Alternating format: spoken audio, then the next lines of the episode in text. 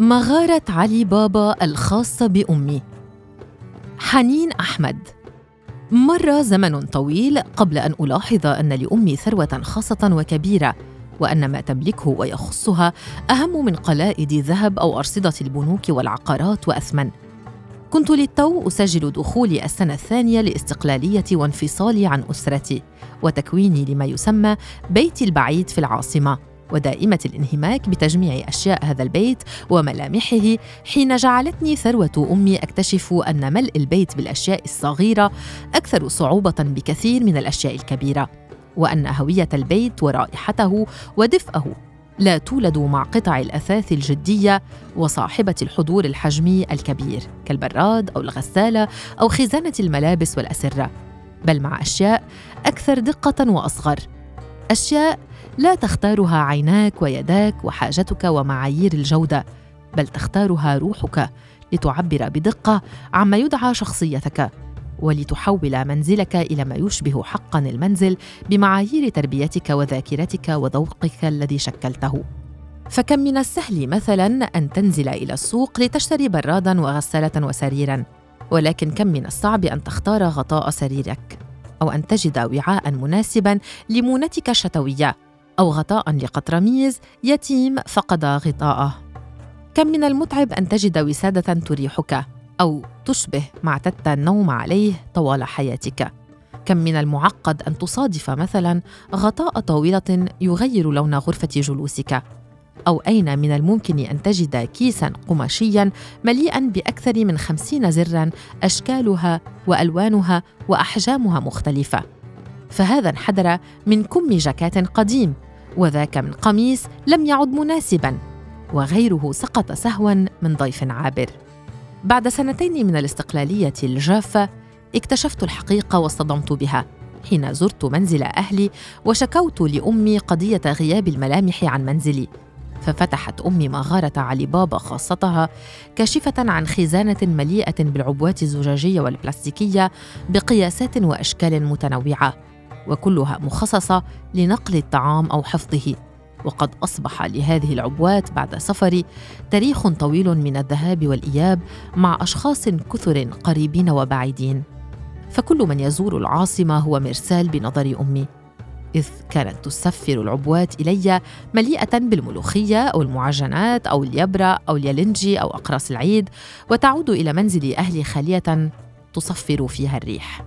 وصلتني وهي تكاد تنفجر فأمي لا تقتنع بالطاقة الاستيعابية العلمية للعبوة وكنت أشعر وكأنها أرادت وضع جزء من قلبها في كل علبة. أرسلت لي في هذه الثروة من العبوات كل أصناف الطعام التي تظن أن لا أحد يتقن صنعها سوى الأمهات. ووجبات كانت متأكدة من أنني سأفتقدها في الغربة المؤقتة.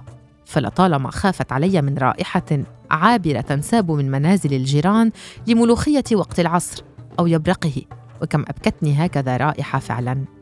وعلى الرغم من كل هذه الحوادث المسجلة بقينا لا نعرف أبدا مصدر ثروة أمي وأرشيفها الواسع من هذه العبوات وأغطيتها التي تتدرج من عشرات أغطية القوارير الصغيرة إلى أكبر أغطية الأوعية الزجاجية وبكل الأشكال والألوان. خزانة أخرى كشفت أمي عنها كانت مليئة بالأغطية السميكة والوسائد المريحة المحاكاة بيديها وأنا التي ظننت أنني قريبه من أمي ورافقتها طويلا. لا أذكر ابدا متى جمعت كل هذا ولمن وكيف. هل كانت تعرف أننا سنقع ضحية برد العواصم والمدن الغريبة؟ قالت لي ماما بدك الحاف صوف أو ديكرون؟ وسادة طرية أم سميكة؟ وقفت حائرة. كنت أمام رفاهية من نوع جديد. رفاهية عرفنا قيمتها بعد الابتعاد عن رحمنا الأول. كيس الأزرار القماشي السحري المغلق بإحكام بخيط يلف رقبته ودفتر وصفات الطعام السحرية خاصة الحلويات التي كتبت مقادير أسرارها على عجل بخط ركيك وعلب التوابل المرتبة بأنواع وأصناف مختلفة مع لصاقة تبوح بسر محتوى كل علبة وخزانة المونة التي يبقى مستوى السكر والأرز والبرغل والحمص فيها ثابتا من دون أي نقصان وكأننا لم نكبر هنا. أنا وإخوتي وأبي وكررنا هذه الطبخات مع أمي عشرات المرات.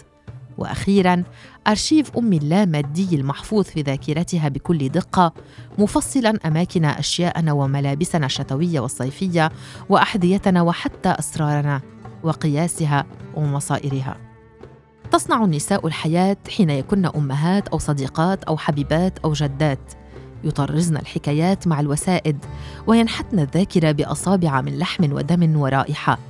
وحين حلت أمي ضيفة في منزلي المتواضع الذي ادعيت أنه يشبهني عدت إليه من بعد يوم عمل طويل لأجده مختلفا تماما. بإضافة قطع قليلة مصدرها ثروة أمي من النفائس الصغيرة. غطاء طاولة من الصوف الملون حاكته هي وغير وضعه بشكل مائل على طاولة غرفة الجلوس لون البيت وطابعه ووسائد على الأرائك والأسرة. أضافت إلى المنزل دفئا وصلني حين فتحت الباب. وأوعية زجاجية مليئة بالمونة زينت الرفوف الحزينة في المطبخ. ووصفات طعام محفوظة في الذاكرة كانت تتحضر على النار ناشرة في الهواء روائح يستطيع قلبك التقاطها قبل أنفك. والأكثر تأثيرا كان حوض متوسط الحجم.